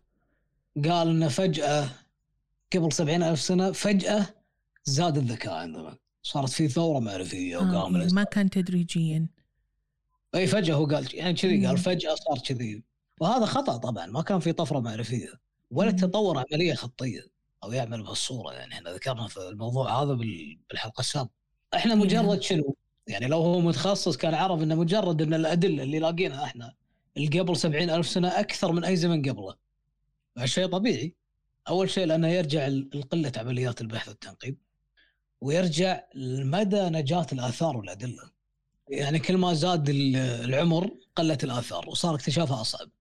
فمو لأنه فجأة صارت طفرة قبل سبعين ألف سنة لا. قبل شنو كان شنو صاير يعني؟ شنو اللي صار قبل سبعين ألف سنة؟ الأدلة قليلة عندنا أقل من بعد ال- سبعين س- ألف سنة. لأن ال- ال- الآثار لم تنجو باختصار. وصعب آثار. نكتشفها إيه. اي إيه. وهو بعدين آه، يعني آه، مثل.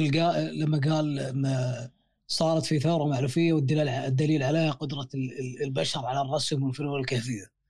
زين أقدم الفنون الكهفيه ترجع لانسان نياندرتال من القرب يعني وأول الالات الموسيقيه كانت ناي صنع النياندرتال هذا بعد صارت عنده ثورة معرفيه بنفس الوقت. ثم يعني إن الكتاب في الكثير من القفز على ألف موضوع مختلف وأنا أعتبره دكتور أمل هذا أعتبره مرض القرن الحادي والعشرين صراحة. وفي ظني هذا بعد سبب نجاح الكتاب. إي شنو تقصد مرض بمرض القرن مرض القرن الواحد والعشرين إنه يترك عند الناس انطباع بأنهم تعلموا شيء أو نسميه وهم المعرفة. مع أن الكتاب يعادل مقطع فيديو بعنوان 100 حقيقة مثيرة للاهتمام في 10 دقائق. لكن بين قوسين الحقائق أو الحقيقة اللي يتكلم عنها مبالغ فيها ومضلله وأحيانا خاطئه وتحتاج إلى أدلة يعني. اي اي يعني إيه في أشياء يعني انت الحين أنا قبل شوي ذكرت موضوع الحوض الضيق والاستقامة. صحيح. اللي يدلك إنه هو ما يدري يعني مو فاهم الموضوع ربط هالموضوع بمشاكل الولادة وعسر الولادة. مع إن هذا ما له شغل بهذا عسر الولادة يرجع الأمراض. يعني إحنا عندنا الحوض يختلف بين إنسان والثاني أكثر من الأطراف أكثر من الإيدين والرجول.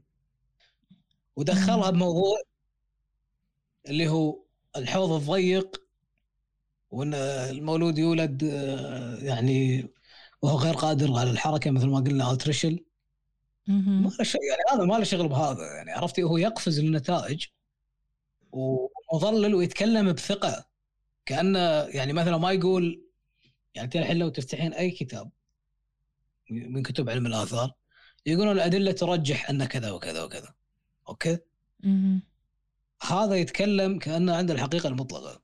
كأنه صح في كل نتيجة هو وصل لها. مع أنه هو متخصص. وكتابها لو لو تفتحين كتابه وتقرينه ينط من موضوع للثاني وما يعطي سرد كافي للحقائق أو سرد كافي للأدلة. ما يعطي ما يعطي ابدا. اي أيوة وهذا وهذا هذا يعني شيء أنا أمقته صراحة. ما أحب. خصوصا الناس اللي تقرأ هالكتب نفس ما تكتبين مثلا تغريدة نعم. كمتخصصة. ويقوم مثلا الشخص اللي يبي يرد عليك يقرأ مثلا بس ويكيبيديا شيء يعني فقرة واحدة وبعدين يظن إنه عنده قدر كافي من المعرفة. صحيح. هذا نفس الشيء. هذا نفس الشيء هو يعني اجتزأ بعض المعلومات وحطها في إيه. إيه، يعني كتابة كتاب. لا لا يعتبر كتاب أو مصدر لتطور الإنسان لا يعتبر مصدر هو حاله حال أي فيديو نشوفه أبو عشر دقائق اللي يقول بعطيكم 100 حقيقة مثيرة للاهتمام صحيح في 10 دقائق أي. الحقائق أنا مثل ما قلت عندها مبالغ فيها ومضلله يعني وخاطئ اي أفهم من كلامك أنت بعد تدعو الناس انه يتحققون من المصادر يعني أي. حتى أي كتاب هو المصادر اللي عنده شو شو المصادر اللي عنده بالخلف؟ بتلاقين يعني آه، أغلبها أول شيء قديمة. مم. المصادر القديمة هذه تلاقينها أكثر شيء بال بالبلوجز بالمدونات. المدونات إي نعم. أي. أي. إحنا إحنا يعني أنا الحين كشخص متخصص أرجع للتقارير أكثر من الكتب. إيه، تقارير أوكي. يعني أروح مثلا أقرأ من ResearchGate أكثر من الكتب. م-م. الكتب مو دائما up to date مو دائما محدثه صحيح. إيه. أتفق معك تماما. لأن مثل ما قلت العلم في تطور وتقدم.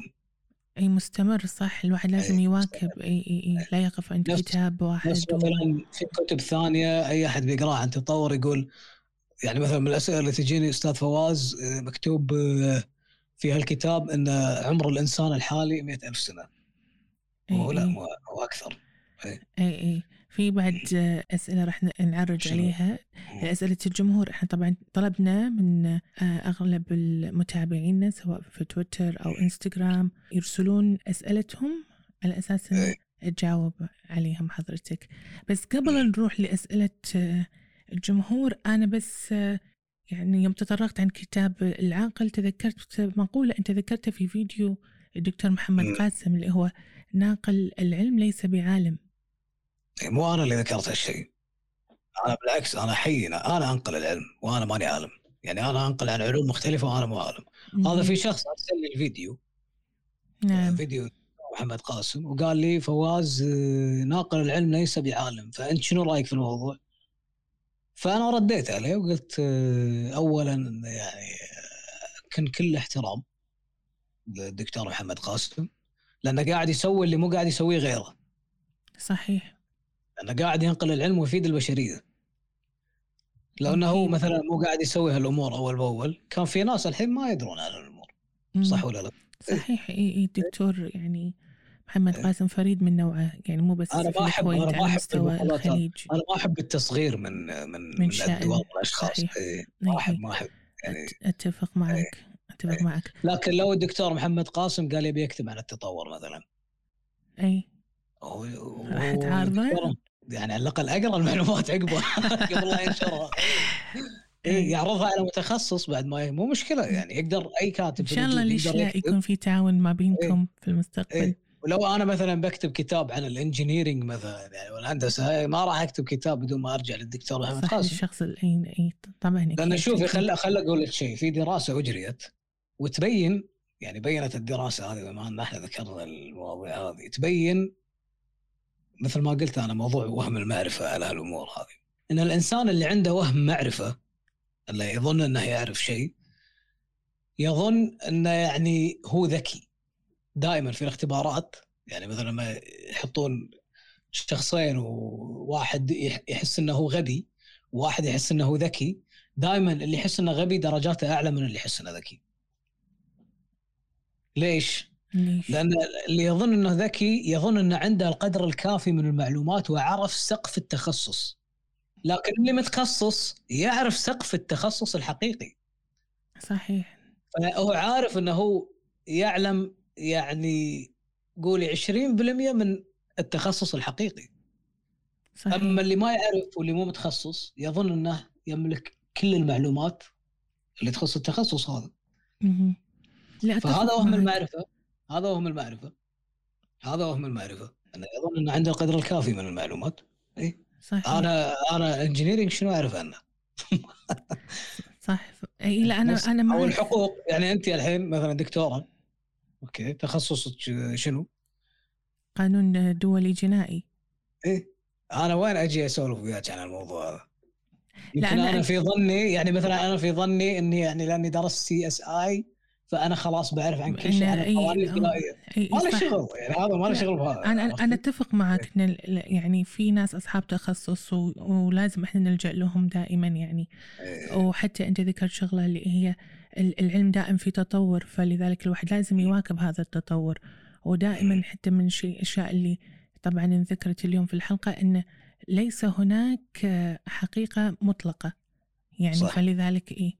ف إيه، آه، إيش رأيك نروح عند أسئلة الجمهور؟ مستعد؟ تمام. إنزين. الله يستر.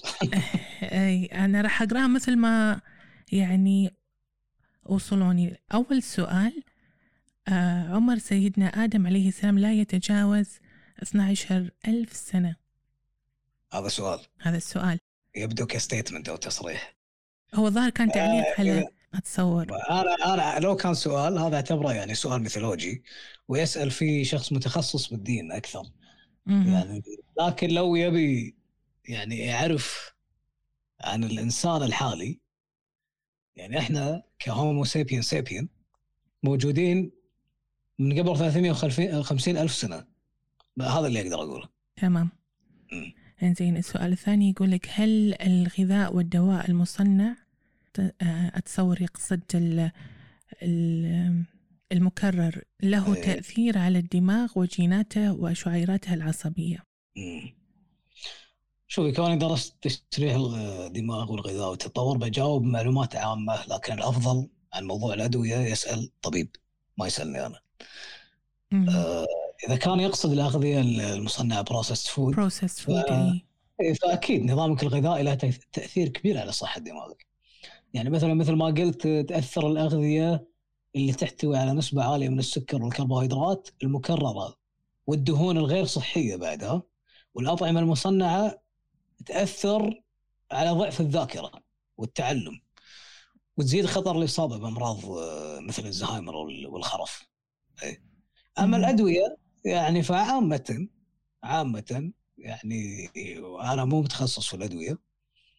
آه، في حالة ادمانها تأثر على وظائف الدماغ. يعني مثلا إذا تم إدمان آه، دواء معين يأثر على تغيرات في الملذات والمكافأة في الدماغ. وعلى على على على التوتر واتخاذ القرارات وحتى التحكم بالانفعالات. يعني امور نفس التعلم والذاكرة ووظائف أخرى وفي منها تسبب مشاكل بلا عودة يعني ما يرجع بعدها الشخص لحالته الطبيعيه هذا اللي أقدر أقوله بس. أوكي.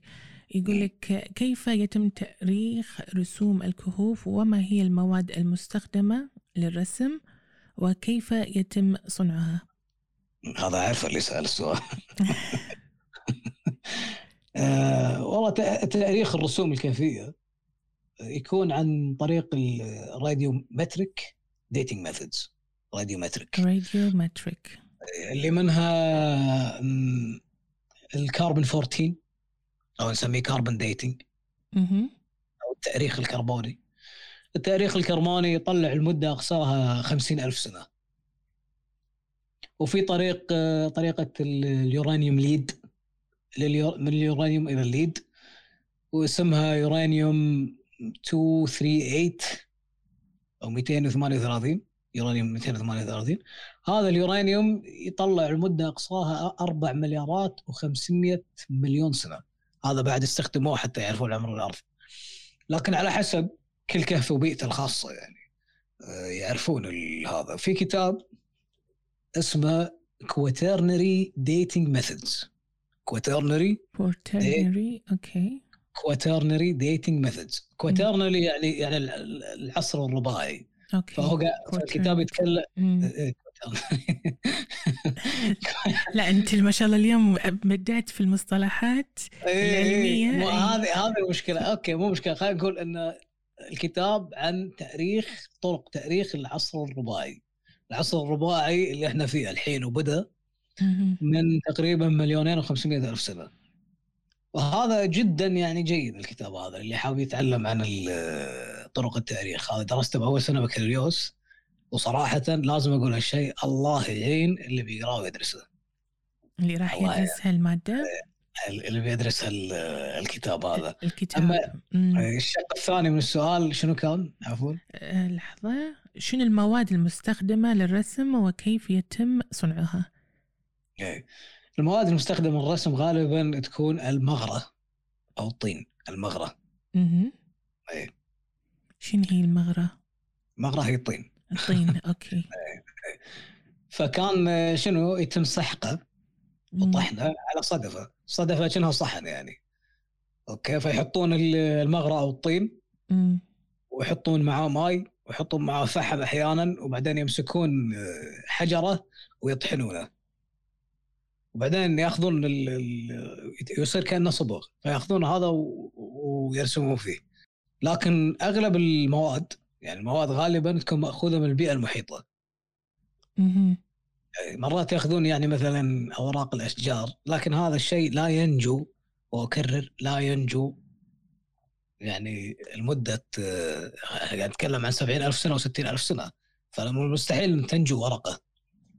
لكن شوف في آثار ألوانها موجودة على على الصدف مم. ممتاز إيه. إنزين يقول لك ما هو أقرب قرد للإنسان من حيث الجينات وما فرق الجمجمة واليدين بيننا وبين القرود حلو السؤال أقرب القرود لنا هو قرد البونوبو. اسمه حلو بونوبو. بونوبو. إيه، هذا نوع من أنواع الشمبانزي هذا أقرب لنا من حيث الجينات يعني بيننا وبينه 98.6% تشابه بيننا وبينه. ممتاز. وين البنوبو واختلاف عندنا بال يعني موضوع الجمجمة في أمور معينة يعني مثلا عند القرد يكون الوجه prognathic أنا اليوم مصطلحاتي. ما شاء الله اي ب... prognathic يعني منزلق للأمام. طالع لبرا وإحنا عندنا الوجه العكس مسطح الوجه. الحين الناس بيحطون ببالهم إنه لا الخشم القرد وهذا شلون هو اللي مسطح؟ لا بالعكس إحنا اللي مسطح الوجه وهم منزلق للأمام طالع لبرا هم عندهم حجم الوجه عشان أبينها. حجم الوجه أكبر من البرين كيس. أكبر من؟ ال brain case اللي من مساحة الدماغ في الجمجمة. okay. إحنا العكس مساحة الدماغ عندنا أكبر من الوجه. شوفي أي شكل جمجمة دوري جوجل وهذا بتش... بتلاقين إن الدماغ عندنا مكانه إيش كبره بالجمجمة والوجه نتفه.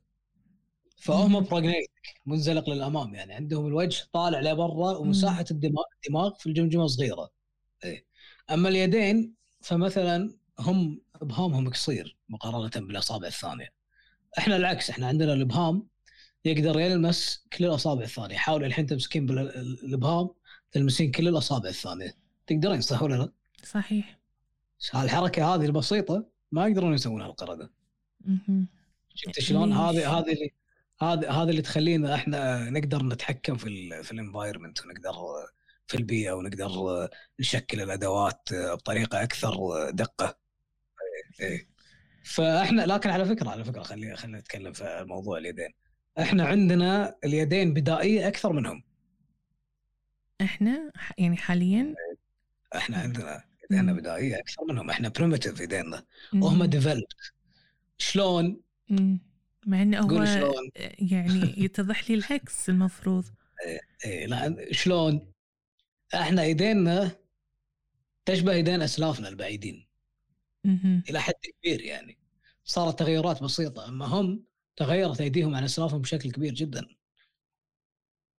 عشان كذي إحنا أنا أتعب وأقول إن القرده اليوم مو نفس القرده اللي قبل القردة اللي موجودين okay اللي ذكرته مساء بونوبو البونوبو البونوبو قرد البونوبو إيه. إيه. هو موجود حاليا هذا القرد إيه موجود إيه. هو موجود. نوع من أنواع الشمبانزي إيه.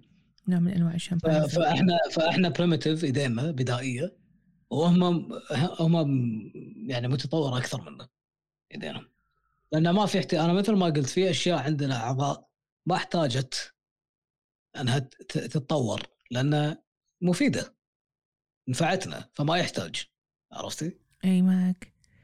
فما يحتاج تتغير ذاك الزول تمام. إنزين الحين عندنا آه، مهم سؤال. اي آه، سؤال يقول ودي تسألون الأستاذ فواز عن بداية الخلق الكائنات الحية بصورة بسيطة شنو أول شيء كان عندنا والإنسان من أي فصيلة طلع؟ بداية الخلق آه، هي خلية أولى يعني من قبل مليار سنة. مم. وطلعت الخلية الأولى وبعدها طلعت كائنات متعددة الخلايا قبل 500 مليون سنة. يعني بين المليار وال 500 مليون سنة هذا 500 مليون سنة بروحها.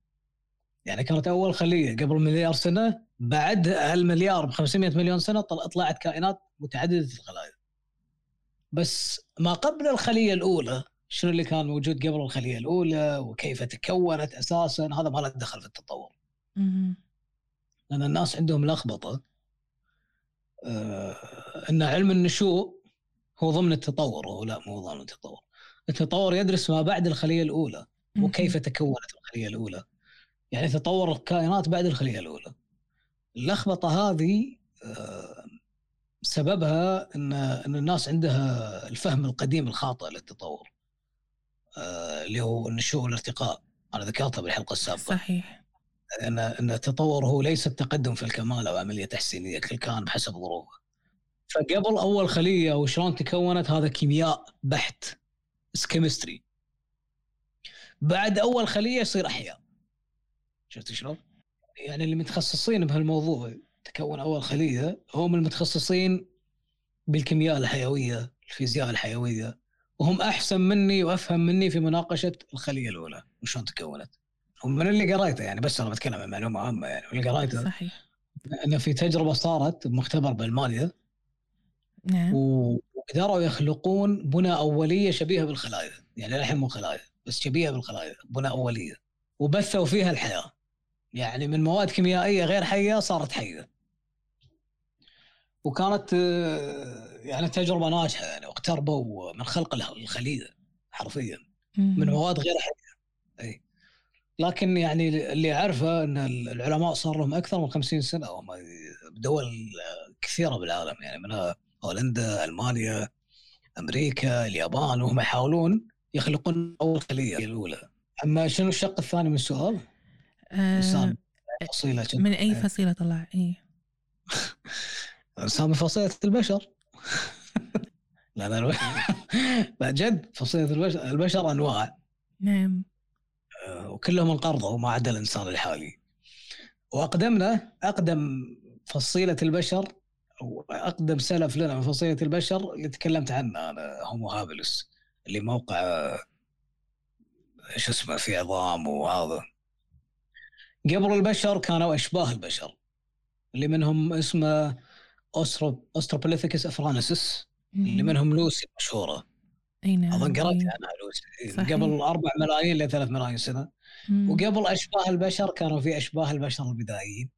هذا أقدم سلف لأشباه البشر البدائيين اسمه Sahelanthropus tchadensis مصطلحات عظيمة. هذا قبل 7 ملايين سنة. إيه. أي نعم صحيح. واللي قبله بس عشان الفضول اللي عند عند الناس واللي قبله اسمهم القردة العليا.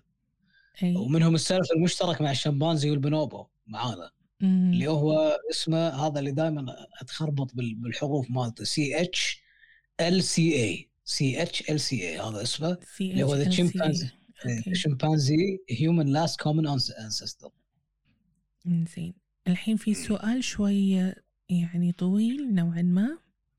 لكن راح أحاول إني أختصره. فهو في بداية ذكر قال قال ابن خلدون في المقدمة أكل العرب الإبل فأخذوا منها الغيرة والغلظة وأكل الأتراك الخيول فأخذوا منها الشراسة والقوة وأكل الإفرنج الخنزير فأخذوا منها الدياثة وأكل الأحباش القرود فأخذوا منها حب الطرب. ومما قيل في أسباب وجوب الوضوء بعد أكل لحم الإبل أن لحم الإبل مدعاة للغضب والثورة. كما أن بعض العلماء يعتقدون بأن طريقة الصيد أو قتل الحيوان أو حالته قبل قتله وأكل لحم لها أثر على نفسية المستهلك. إنزين الحين السؤال. بالنظر إلى ما سبق يتبين بأن هناك توافق ديني بين قوسين إسلامي وفلسفي وعلمي على تأثير اللحوم المستهلكة على الإنسان. إلى أي مدى يمكن الأخذ بهذا القول واضح السؤال؟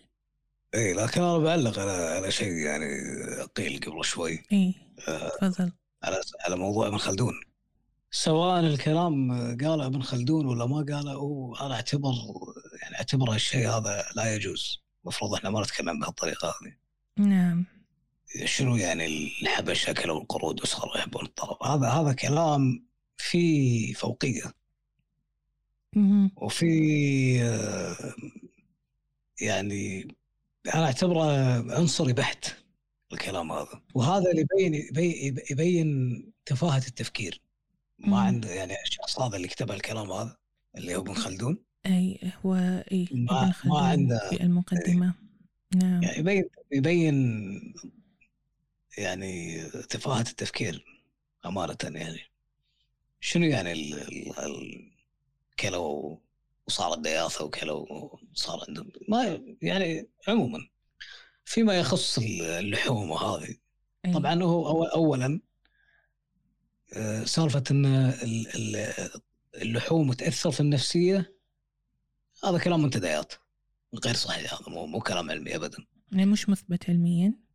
مو مثبت علميا لكن خليني أوضح لك شيء بما يخص القتل وشلون يأثر على اللحوم. في دراسات كثيرة أجريت على الماشية والدواجن والأسماك. okay؟ بعلاقة شنو؟ الصعق قبل الذبح. والذبح من غير صعق على جودة اللحوم. اللي هو الصعق اللي اسمه والذبح slaughter. نعم. فش شلون الصعق اللي أنا أسوي stunning اللي أطق مثلا الحيوان بمسدس في في دماغه أو إني أنا أكهربه أو ان أنا أعطيه غاز عشان شنو؟ كل هذا عشان شنو؟ ما يحس بالألم لما أنا شنو؟ أذبحه. ومدى تأثير هذا على جودة اللحم واللي تبين من الدراسات إن إجراءات السعق قبل الذبح شنو نوع الذبح؟ لو شنو كان لها تأثير على طراوة اللحم خل أفهمك يعني دام إنها اي تفضل. اشياء في الموضوع خلاص. وهو في شيء اسمه rigor mortis rigor mortis أيوه. الحين الجثث تمر بمراحل ما بعد الموت. أوكي؟ مم. إحنا بالطب الشرعي نقيم توقيت الوفاة وفقا لهالمراحل. عند الإنسان يعني بعد ثالث ساعة تقريبا إلى الساعة 36 مم. يعني بعد ثالث ساعه ل 36 ساعه قدام. يعني يبدأ تصلب الجثة اللي هو شنو؟ ال rigor mortis ال rigor mortis من المراحل الأولى. أوكي بسبه شنو؟ تتقلص الألياف العضلات ألياف العضلات. و... وبعد 36 ساعة تبدأ عضلات الج- الجثة بالاسترخاء. أوكي؟ طبعا ال- ال- المرحلة هذه rigor mortis يختلف توقيتها باختلاف الحيوان عموما. لقت الدراسات إن الصعق قبل الذبح له تأثير على تأخير وتقليل وقت تصلب اللحم يعني اللحم ما يصير عرد. نعم. نفس لما يقتل من غير صعق. اللحوم المذبوحة على أي طريقة كانت بتمر بمرحلة التصر... التص- التصلب أسرع وبتستمر مرحلة التصلب لفترة أطول. السبب يفضل شنو؟ الصعق قبل الذبح. ليش؟ لأن الحين الحيوان لما يكون واعي وهو قاعد ينذبح بيفرز هرمونات كثيرة وبيتصلب. فبيمر بمرحلة التصلب يعني حتى بعد القتل ال- ال- اللحم بيصير عرد يعني بيصير مو طري. لما يكون مخدر ويق... ويتم ذبحه فما راح يشعر بأي شيء ما راح يفرز الهرمونات هذه فشنو يصير بالنهايه إن اللحم يصير أطرى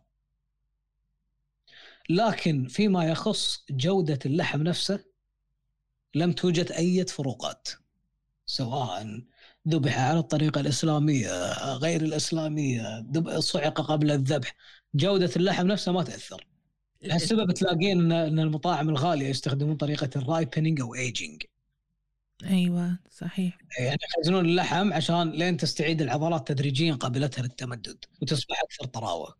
إيه. إي هو يعني مو بس جودة اللحم يعني أنا أتصور الأخ ذكر شغلة انه هو ما يأثر على النفسية إن إذا كان نفسية هذا- الحيوان يعني مثلا آه، هذا هذه هذه كلها عفوا يعني هو كلام منتديات إيه، مو صحيح الكلام هذا. تمام. مو صحيح. اتضحت يعني أما يعني اللي يتعلق بما قبل الموت يتعلق قبل الموت إن الأدلة تبين إن اللحوم العضوية يعني تحتوي على 50% أكثر من الأحماض من أحماض اوميجا 3 من اللحوم العادية اللي نشتريها. لأن في حياتها هي تتغذى على على عشب طبيعي. يعني. بدال الأطعمة متدنيه الجودة يعني. يعني مثلا الأبقار لازم تاكل ما لا يقل عن 60% من العشب الطازج. مهم. علف إي المحفوظ إيه. ولازم مثلا الماشية تتربى بالهواء الطلق يعني بدل لا يحشرونها بمكان ضيق ويعطونها مضادات حيوية بسبة الاكتظاظ وسوء المكان والتهوية و... والهرمونات يعني بسبة انه خايفين عليهم من الأمراض لأن المكان ضيق ضيق وحاشرينهم. فيعطونهم مضادات حيوية ويعطونهم هرمونات عشان الحليب وغيره فأكيد بتأثر هالأمور على الجودة. نعم. ممتاز مم. أستاذ فواز إحنا الحين إيه. قبل لا نختم إيه. أنت كنت تبي تخصص دقائق بس أو تتكلم عن بعض الكتب السؤال هذا؟ كامل أنا جاوبت على كل النقاط فيه. آه، أت... أي أتصور لحظة شوية لأنه ما أتذكر أنا ال- إلى أي مدى قلنا وهل تأثرت الشعوب المستهلكة فعلا بهذا التأثير مثلا يعني هذه. مم. منتشرة أكثر في العالم ال- الإسلامي أكثر. ففي مم. أنا أشوف يعني أنا أعرف ناس وهذه أو مو ما تعتبر معلومة تعتبر اشاعه يعني أو كلام فارغ. منتشر بمنتديات وأذكرها الكلام هذا عدل. أذكرها يعني. وين أنت قاريها يعني أو مرت عليك قارين من قبل. إيه،. زمان. إيه قارين من زمان. لكن مو صحيح يعني الكلام هذا مو صحيح، غير مثبت علميا. غير مثبت علميا. أي. قبل لا. نختم. قلت تبي تخصص وقت على أساس تستعرض الكتب اللي تحس إنها راح تهم المستمعين عن تطور الدماغ. خلينا نشوف لي إحنا قبل شوي تكلمنا عن موضوع ال survival of the fattest أوكي The Survival of the Fattest.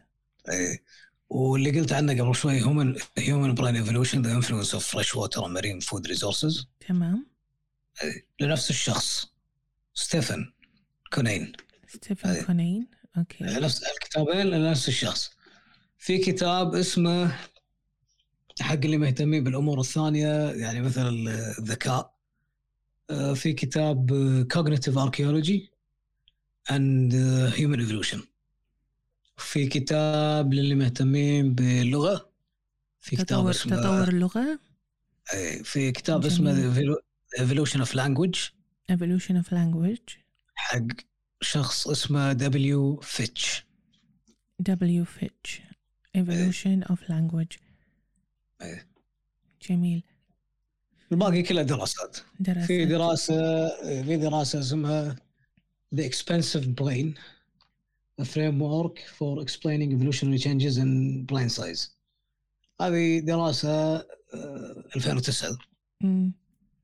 يتكلم فيها عن موضوع اللي إحنا تكلمنا عنه قبل شوي عن ال altricial وال وال precocial نعم يقارن الإنسان بالحيوانات الثانية مهم. وهل صحيح إن الدماغ عضو مكلف؟ ف- هل صحيح الدماغ إيه. مكلف؟ هل عضو صحيح مكلف أي إيه، إيه. مم. زين والجواب شنو؟ نعم جدا مكلف في في الختام أستاذ فواز أي كلمة حاب تقولها توجهها؟ طبعا قبل نختم أنا بعد حابه أضيف بالإضافة للكتب اللي أنت ذكرتها حسابك النظرية. يعني دعوة لكل المستمعين انه يزورون صفحتك آه، على إنستغرام. حياكم الله. النظرية أي آه كلمة أخيرة أستاذ فواز؟ أحب أقول شكرا شكرا على الاستضافة والحوار الجميل والأسئلة واحييك واحيي ثقافتك وشغفك وبحثك شكرا. ولي الفخر الفخر اني أكون أحد ضيوفك دكتور آمل. يعطيك ألف عافية. الشرف لنا الشرف لنا أستاذ استمع ويانا والساده المستمعين. إن شاء الله. طبعا أرجع وأقول الشرف لنا. أنت يعني قامة ويعني آه، يعني من النوادر اللي نشوفهم عندنا. يعني مو بس في الكويت في على مستوى الخليج يعني أو العالم العربي. آه، في النهاية وفي الختام أشكر حسن استماعكم مستمعينا أنا أمل اليوسف وهذا علم بودكاست.